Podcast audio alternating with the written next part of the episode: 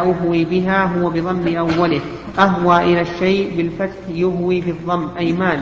ووقع في رواية حم فكأني لا أريد مكانا من الجنة إلا طارت بي إليه. قوله في رواية وهيب فقصصتها على حفصة فقصتها حفصة على النبي صلى الله عليه وسلم الحديث. وقع مثله في رواية حمال عند مسلم. ووقع عند المؤلف في روايته بعد قوله طارت بي إليه. من الزيادة ورأيت كأن اثنين أتياني أرادا أن يذهبا بي إلى النار. الحديث بهذه القصة, الحديث بهذه القصة مختصرا وقال فيه فقصت حفصة على النبي صلى الله عليه وسلم إحدى رؤياي. وظاهر رواية وهيب ومن تابعه أن الرؤيا التي أبهمت في رواية حماد هي رؤية السرقة من الحرير. وقد وقع ذلك صريحا في رواية حماد عند مسلم. لكن يعارضه ما مضى في باب فضل قيام الليل ويأتي في باب الأخذ عن اليمين من كتاب التعبير من طريق سالم بن عبد الله بن عمر عن أبيه فذكر الحديث في رؤيته النار وفيه فقصص فقصص فقصصتها على حفصة فقصتها حفصة فهو صريح في أن حفصة قصت رؤياه النار. كما أن رواية حماد صريحة في أن حفصة قصت رؤياه السرقة ولم يتعرض في رواية سالم إلى رؤيا السرقة. فيحتمل أن يكون قوله إحدى رؤياي محمولا على أنها قصت رؤيا السرقة أولا ثم قصت رؤيا, رؤيا النار بعد ذلك وأن التقدير قصت إحدى رؤياي أولا فلا يكون لقوله إحدى مفهوم. وهذا الموضح لم وهذا وهذا الموضح لم أر من تعرض له من الشراح ولا أزال إشكاله فلله الحمد على ذلك. الحمد لله. لكن ما أزال إشكاله هذا موجود يا شيخ. نقول الارتباط بين الرؤيا وكونه لا يصلي في الليل. هو ذكر كلام هنا. فقال قوله إن أخاك رجل صالح أو إن عبد الله رجل صالح هو شك من الراوي. ووقع في رواية حماد المذكورة إن عبد الله رجل صالح بالجزم وكذا في رواية صخر بن جويرية عن نافع زاد الكشميهني في روايته عن الفربري في الموضعين لو كان يصلي من الليل وسقطت هذه الزيارة لغيره وهي ثابتة في رواية سالم كما تقدم في قيام الليل وتأتي ويؤيد ثبوتها قوله في رواية حماد عند الجميع فقال نافع فلم يزل بعد ذلك يكثر الصلاة وقد تقدم في قيام الليل. وفي رواية عبيد الله بن عمر عن نافع عن ابن عمر عند مسلم وقال نعم الفتى أو قال نعم الرجل ابن عمر لو كان يصلي من الليل. قال ابن عمر وكنت إذا إذا نم إذا وكنت إذا نمت لم أقم لم أقم حتى أصبح. قال نافع فكان ابن عمر بعد يصلي من الليل. نمت. وكنت إذا نمت لم أقم حتى أصبح. قال نافع فكان ابن عمر بعد يصلي من الليل.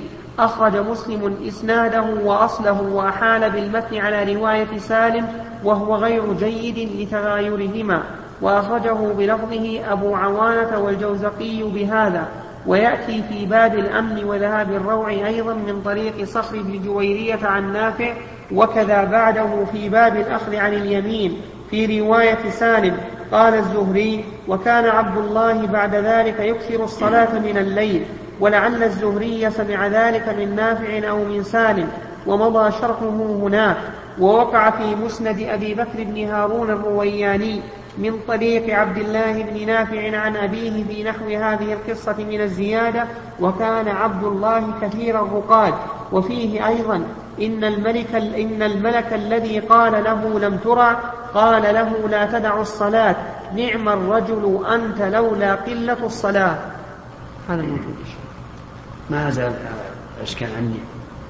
ما زال عني الإشكال لكن عفوا جزاك الله خير. ذكره في ثمان مواضع من الصحيح. وبحثت في المواضع في الشرح ما ما وجدت أفضل بارك الله فيك. أن في حديث السخار نعم. وأنت علام الغيوب. أقرأ نعم. أقرأه يقرأ من أوله.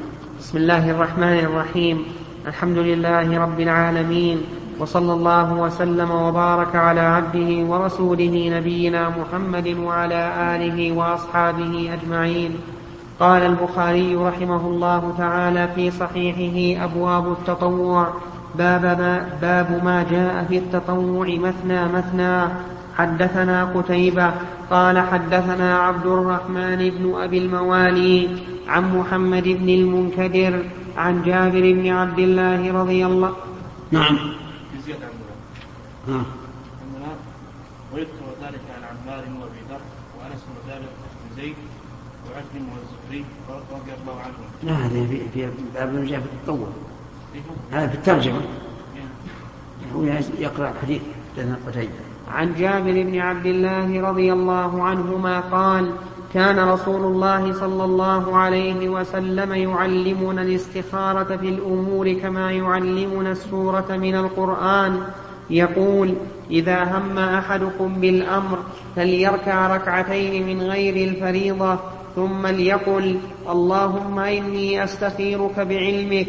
وأستقدرك بقدرتك وأسألك من فضلك العظيم فإنك تقدر ولا أقدر وتعلم ولا أعلم وأنت علام الغيوب اللهم إن كنت تعلم أن هذا الأمر خير لي في ديني ومعاشي وعاقبة أمري أو قال عاجل أمري وآجله فاقدره لي ويسره لي ثم بارك لي فيه وإن كنت تعلم أن هذا الأمر شر لي في ديني ومعاشي وعاقبة أمري أو قال في عاجل أمري وآجله فاصرفه عني واصرفني عنه واقدر لي الخير حيث كان ثم أرضني به. قال ويسمي حاجته. أول هذا الحديث سبق الكلام عليه إلى قوله اللهم إن كنت تعلم أن هذا.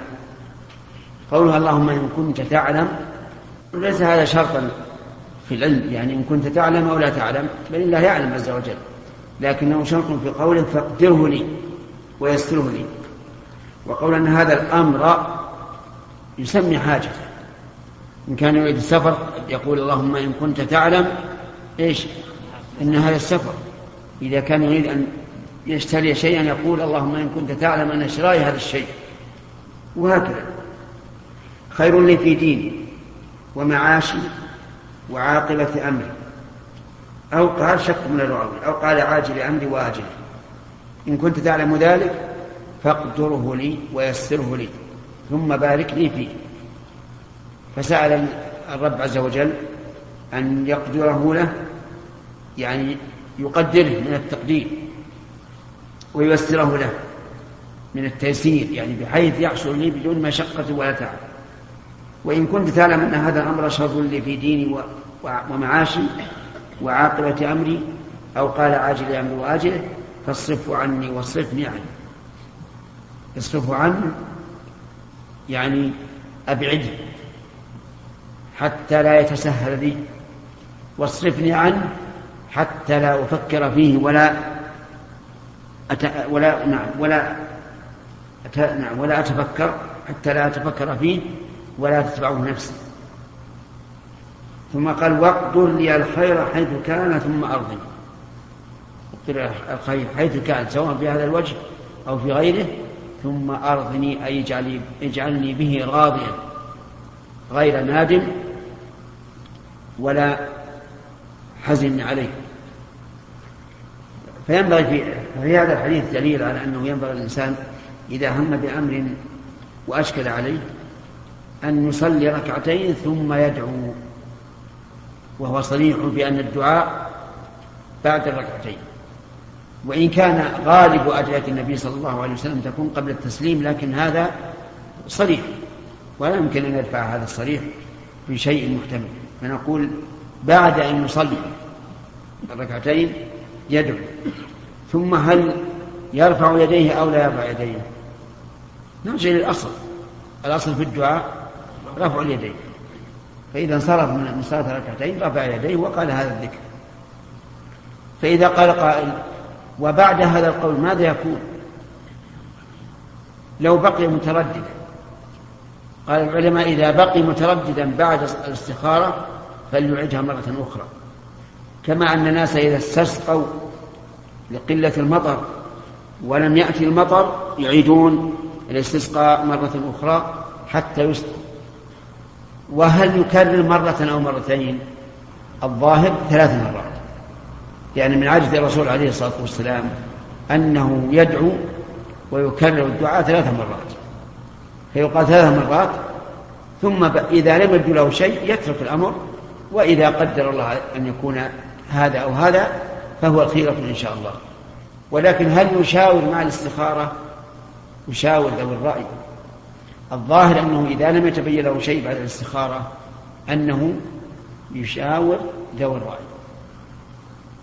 يشاور ذوي الرأي الذين جمعوا بين الدين والأمانة والمحبة لهذا الشخص.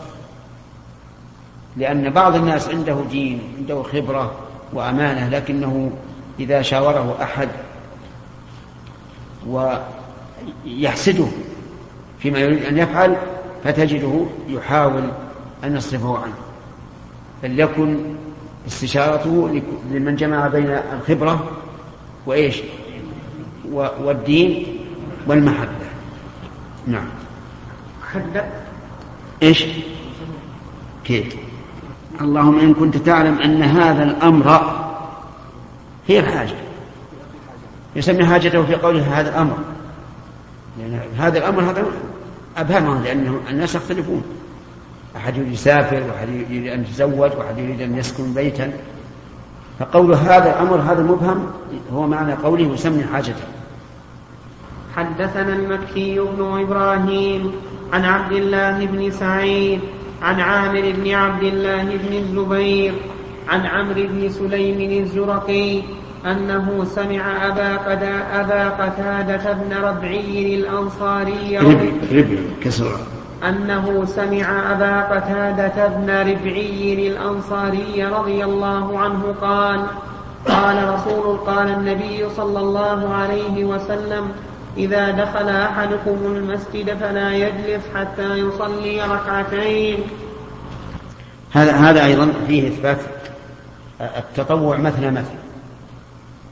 وهذا دليل على أن البخاري رحمه الله يرى أن تحية المسجد من باب التطوع وليست من باب الواجب. وقد اختلف العلماء رحمهم الله في تحية المسجد. أواجبة هي أم سنة؟ فأكثر العلماء على أنها سنة. وقال بعض أهل العلم أنها واجبة. واستدل بدليل قوي.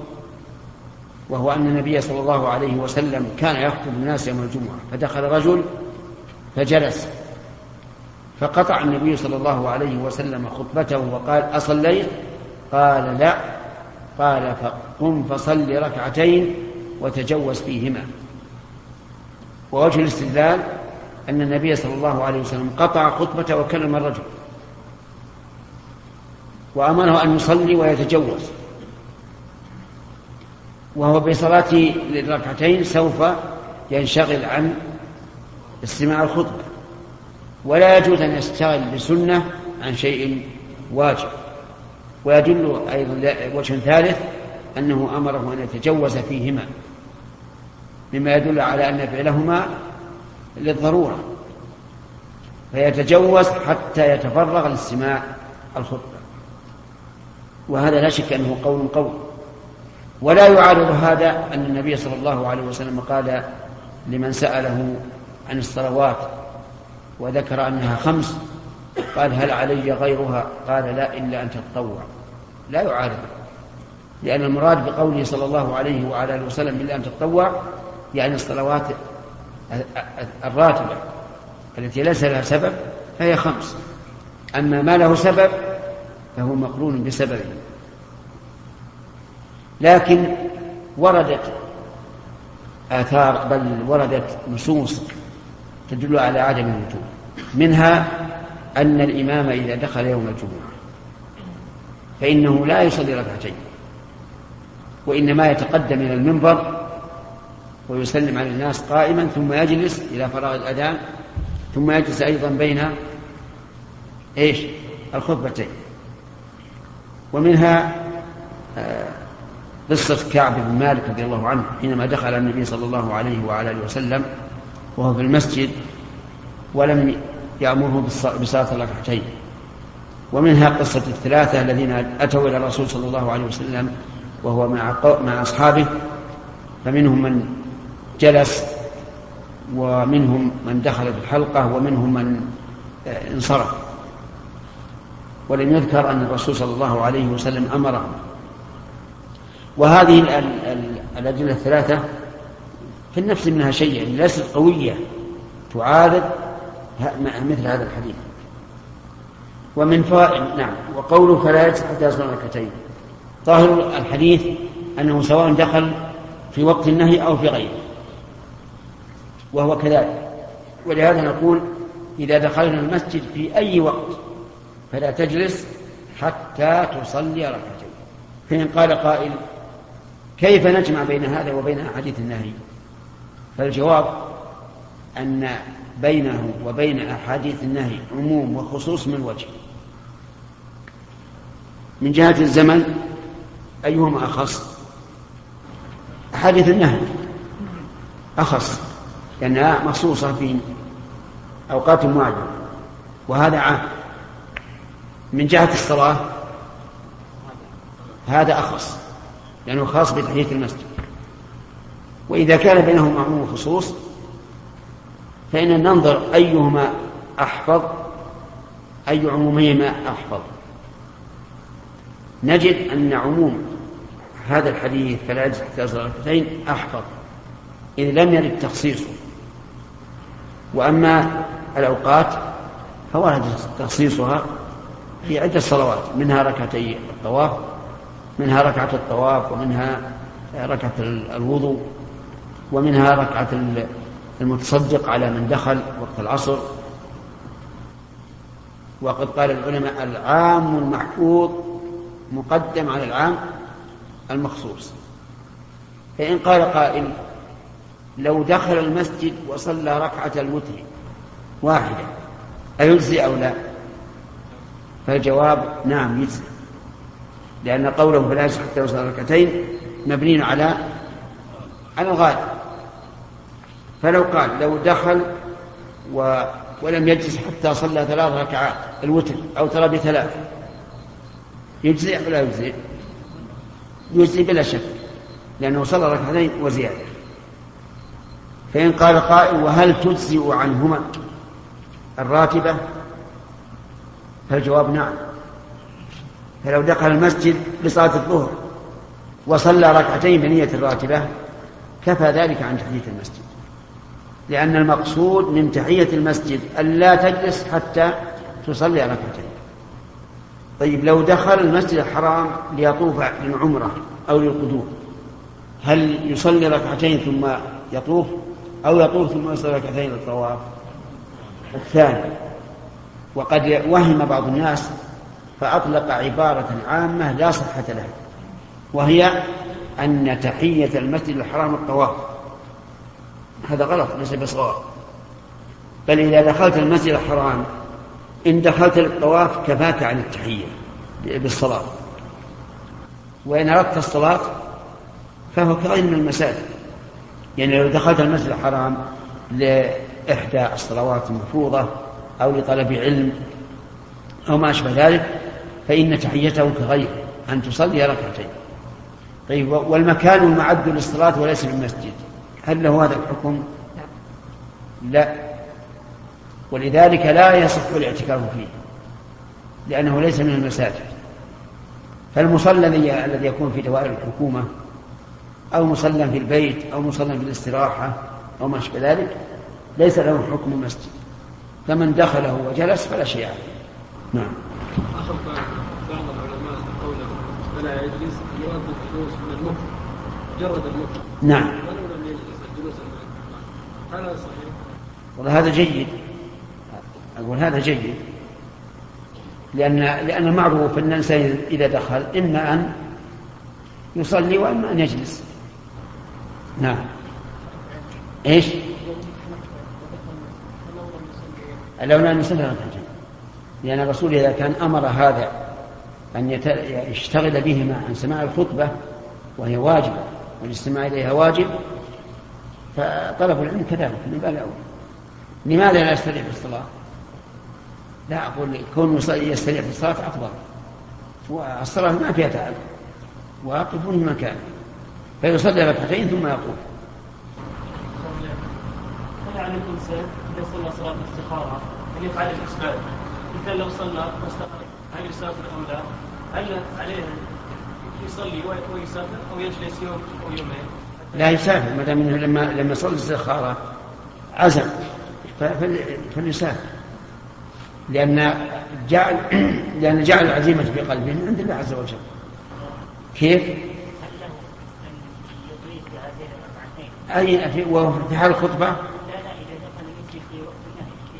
آه نعم أبد له أن يطيع له أن يطيع ويفعل ما شاء نعم.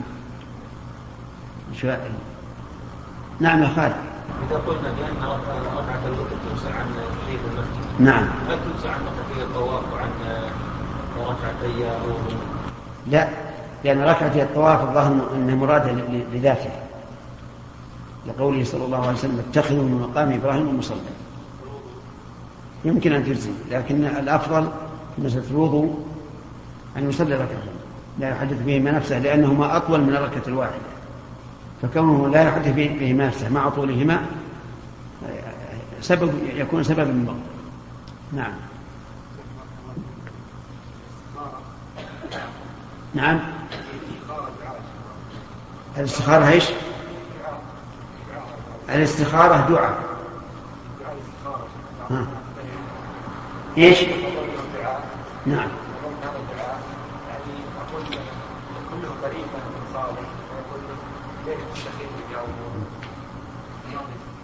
لا بأس إذا قال أريد أن تستخير لي؟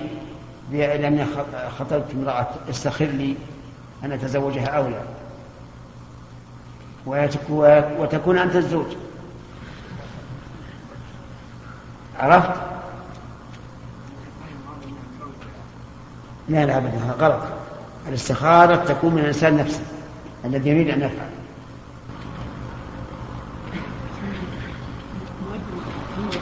نعم. ها؟ إيش تقول؟ الذي؟ نعم. لا يعني يكثر تردده في المسجد. قال أهل العلم أنه يكتفي بأول مرة. يكتفي بأول مرة. نعم. المساجد؟ نعم. لا مصلى الظاهر إنه مصلى إلا إذا كانت تقال في- فيها الصلوات الخمس. لا إذا مسجد. إذا مسجد. لكن لو دخل من أحد من من من, من, من الخارج صلى. نعم. شيخ بارك الله فيكم ذكرنا أن الاست- أن الاستخارة لا تشرع إلا في التردد الأمر المتردد. نعم. أحيانا الإنسان يكون جازم على الأمر وهو في مصلحته فيما يعلم.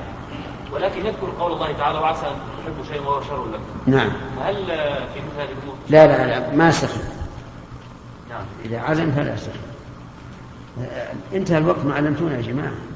سبع دقائق يا الله وعلى آله وأصحابه أجمعين. أما بعد فقد قال الإمام البخاري رحمه الله تعالى في صحيحه في كتاب التطوع. في باب ما جاء في التطوع مثنى مثنى. حدثنا ابن بكير قال حدثنا الليث عن عقيل عن ابن شهاب قال أخبرني سالم عن عبد الله بن عمر رضي الله عنهما قال صليت مع رسول الله صلى الله عليه وسلم ركعتين قبل الظهر وركعتين بعد الظهر وركعتين بعد الجمعة وركعتين بعد المغرب وركعتين بعد العشاء. قوله رضي الله عنه صليت مع يحتمل أن تكون هذه المعية معية الجماعة أو معية المتابعة والتأسي. والأصل هو الثاني. الأصل هو الثاني لأن الجماعة في النفل قليلة مع- رسول الله صلى الله عليه وعلى آله وسلم. وفيه أيضا في هذا الحديث دليل على أن الجمعة ليس قبلها سنة راتبة لأنه ذكر للظهر سنة راتبة ولم يذكر للجمعة. وفي أيضا أن الراتبة بعد الجمعة ركعتان. وقد ثبت عن النبي صلى الله عليه وعلى آله وسلم أنه قال إذا صلى أحدكم الجمعة فليصلي بعدها أربعة فاختلف العلماء في هذا في تخريج الحديثين. فمنهم من قال يصلي أربعا تقديما للقول على الفعل سواء صلاها في بيته أو في المسجد. ومنهم من يقول يصلي ستا.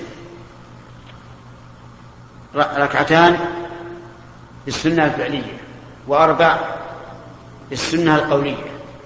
ومنهم من قال إن صلى في المسجد فليصلي أربعا وإن صلى في البيت فليصلي ركعتين.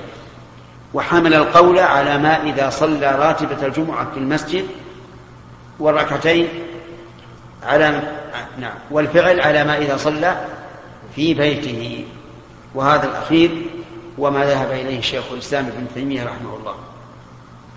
حدثنا آدم قال أخبرنا شعبة قال أخبرنا عمرو بن دينار قال سمعت جابر بن عبد الله رضي الله عنهما قال قال رسول الله صلى الله عليه وسلم وهو يخطب إذا جاء أحدكم والإمام يخطب أو قد خرج فليصلي ركعتين.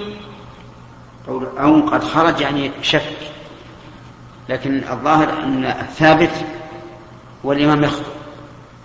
وقوله هنا فليصلي ركعتين ولم يقيدهما بالتخفيف لكن جاء في حديث آخر أنه يصليهما خفيفتين ليتفرغ لاستماع الخطبة.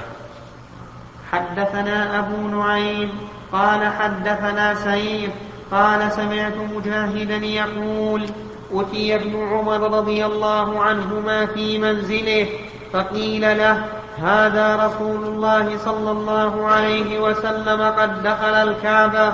قال فأقبلت فأجد رسول الله صلى الله عليه وسلم قد خرج. وأجد بلالا عند الباب قائما.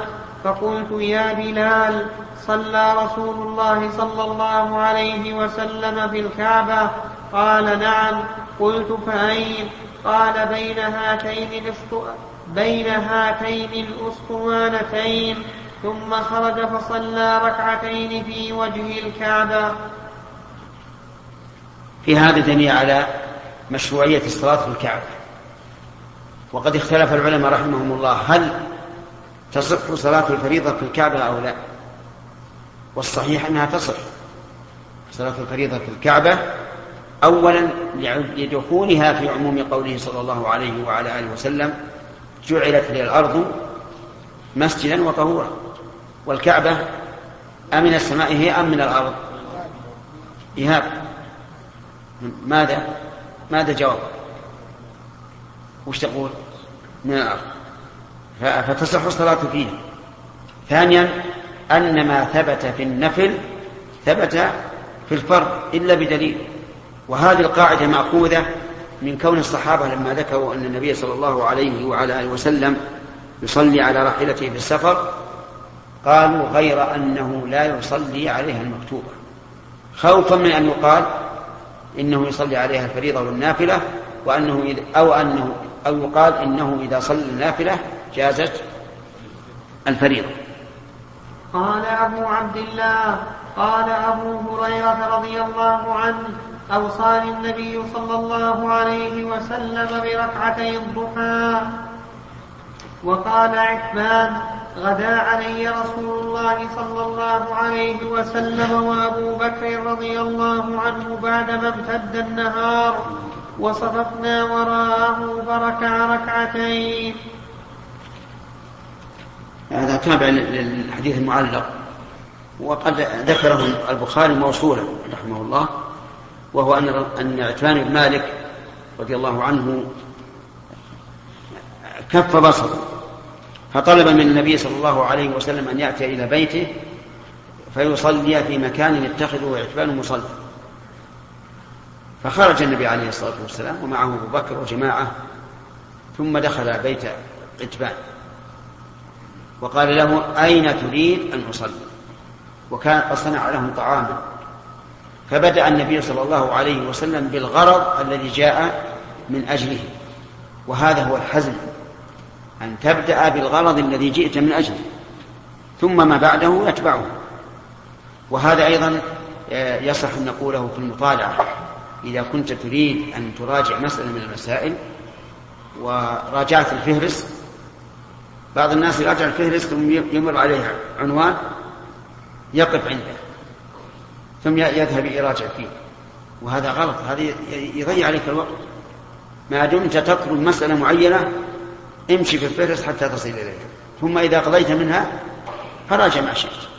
أما أن تبقى كل ما وقعت عينك على شيء فتحت الكتاب ورجعت إليه يضيع عليك الوقت. فابدأ أولا بما كان إيش؟ مقصودا في, في الأصل قبل كل شيء. وفيه أيضا حديث عتبان وغيره مما مر مما مر دليل على جواز إقامة الجماعة في النفل لكن إيش؟ أحيانا لا داعي هذا صلاة الإمام.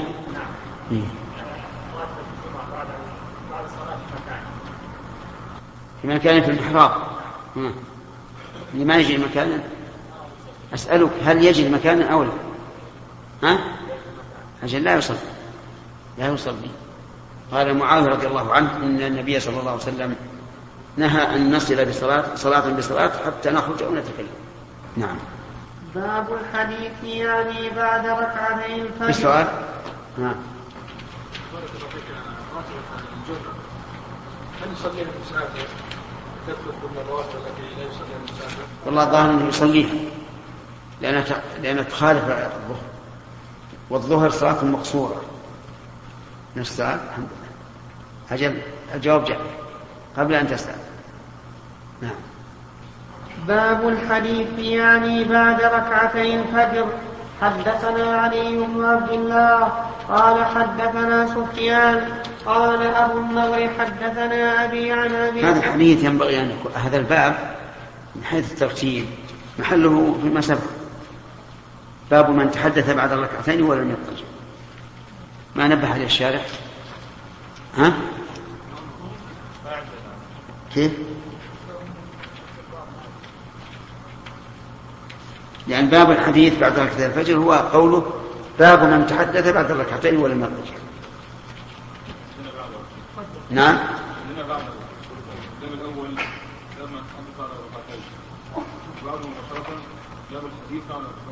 إيه. هذا هو الأقرب. نعم. الخاتمة بعد بعد بعض ما جاء تطور مثلا انتهى شق الخاتمة باب ما جاء في الطور مثلا مثلا سبق. جعلها الأخير هو الأخير. وألحق هذا بما سبق. هذا. هذا أقرب. نعم. أقرأ الشيخ أقرأ نعم باب الحديث يعني بعد ركعتي الفجر.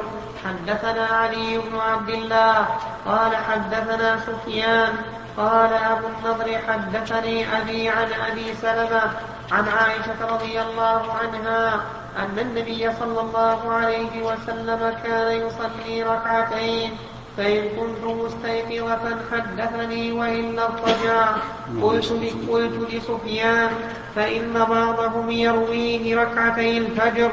قال سفيان هو ذاك. نعم. باب تعاهد ركعتي الفجر ومن سماهما تطوعا. حج. ها؟ كيف؟ في يوم عاشوراء أخذ هذه الحديث في يوم عاشوراء؟ في يوم عاشوراء. الماضي أخذ هذا الحديث باب التطوع بعد المكتوب ها؟ ما خالف الظاهر اختلاف من النساخ والله نعم. باب ما باب تعاهد ركعتي الفجر ومن سماهما تطوعا. حدثنا بيان بن عمرو قال حدثنا يحيى بن سعيد قال حدثنا ابن جريج عن عطاء عن عبيد بن عمير عن عائشة رضي الله عنها قالت لم يكن النبي صلى الله عليه وسلم على شيء من النوافل. أشد منه تعاهدا على ركعتي الفجر. باب ما يقرأ في ركعتي الفجر. حدثنا عبد الله بن يوسف قال أخبرنا مالك عن هشام بن عروة عن أبيه عن عائشة رضي الله عنها قالت كان رسول الله صلى الله عليه وسلم يصلي بالليل ثلاث عشرة ركعة ثم يصلي إذا سمع النداء بالصبح ركعتين خفيفتين.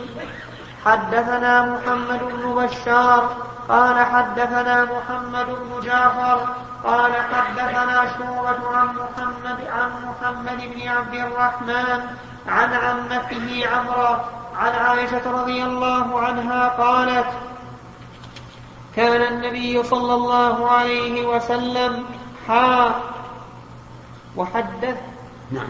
وحدثنا أحمد بن يونس قال حدثنا زهير قال حدثنا يحيى هو ابن سعيد عن محمد بن عبد الرحمن عن عمرة عن عائشة رضي الله عنها قالت كان النبي صلى الله عليه وسلم يخفف الركعتين اللتين قبل صلاة الصبح. حتى إني لأقول هل قرأ هل قرأ بأم الكتاب. ولم يذكر رحمه الله ما يقرأ في الركعتين لأن تعيين ذلك ليس على شرط البخاري. لكن ذكر حديث عائشة يدل على أنهما سورتان غير طويلتين. أما تعيين ذلك فإنه يقرأ فيه. في الركعة الأولى قل يا أيها الكافرون وفي الثانية قل هو الله أحد. أو يقرأ في الأولى قولوا آمنا بالله وما أنزل إلينا وما أنزل إلى إبراهيم وإسماعيل وإسحاق ويعقوب إلى آخره التي في سورة البقرة. ويقرأ في الثانية قل يا أهل الكتاب تعالوا إلى كلمة سواء بيننا وبينكم الآية في آل عمران. والذي ينبغي على القاعدة المعروفة إيش؟ أن يقرأ هذا مرة وهذا مرة نعم. في شيخ تحويل الإسناد هذا نعم.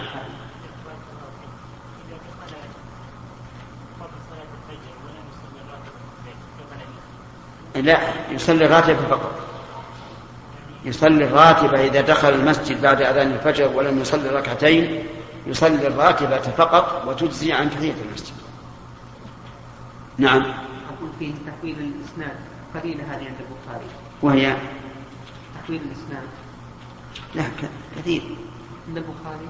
أي لكنه ليس كمسلم مسلم أكثر. لكن المشكلة اللي عندنا خاء. كان النبي صلى الله عليه وسلم خاء. نبه عليه يقول هكذا هكذا منقوطة في اليونية اليونينية وفي القسطلاني أنها مهملة لتحويل السند. نعم. أي نعم.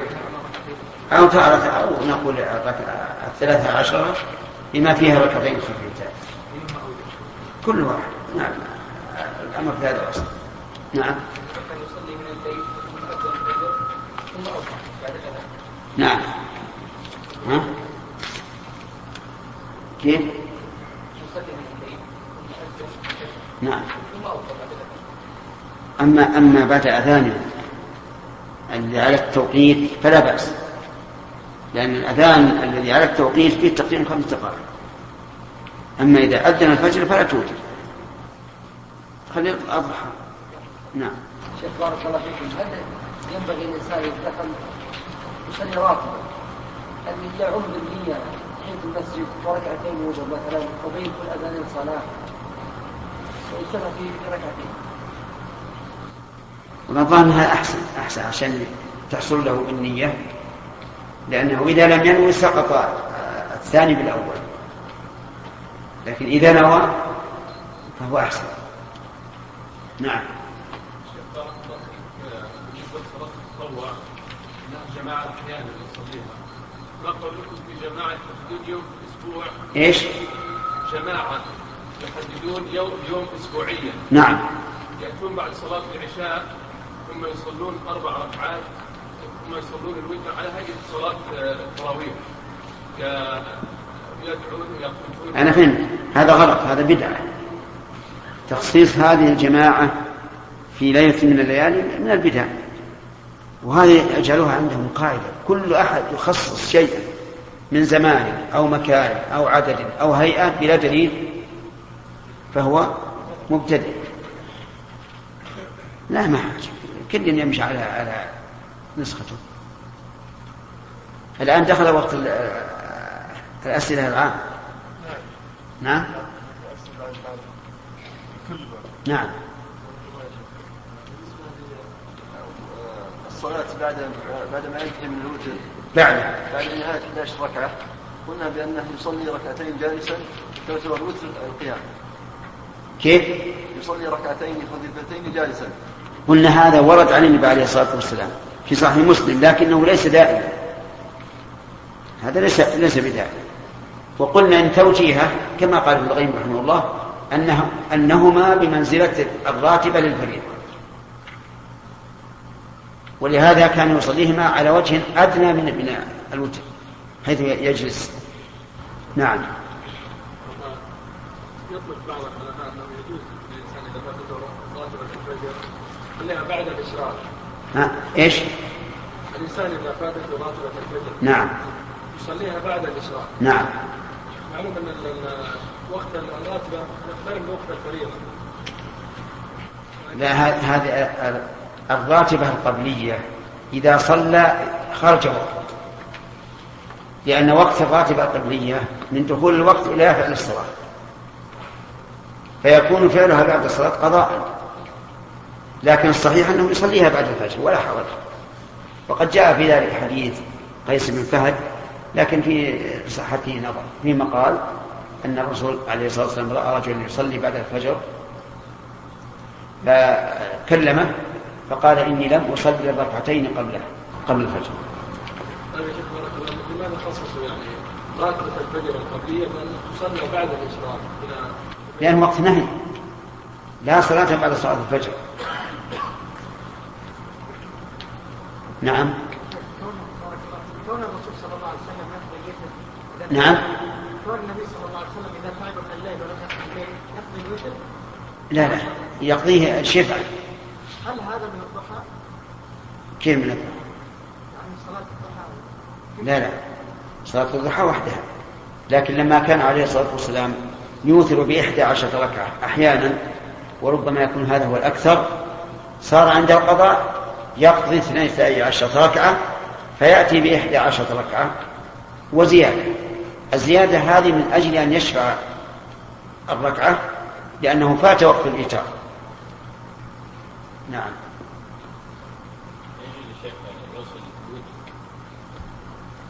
نعم. يذكر في بعض الكتب. إيش؟ يذكر في بعض الكتب كتب الفقهاء أن الدعاء باللغة العربية أفضل من العربية. معلوم. الدعاء بالعربية أحسن من غير العربية. لكن لمن يعرف المعنى. أما من لا يعرف المعنى فالدعاء بلغته أفضل. حتى يكون الدعاء بخشوع وإنابة إلى الله عز وجل. أما إذا كان لا يعرف العربية وصار يتلو آه، كلمات لا يعرف معناها فلا فلا. نقول ادعو بلغتك فهو أفضل. ها؟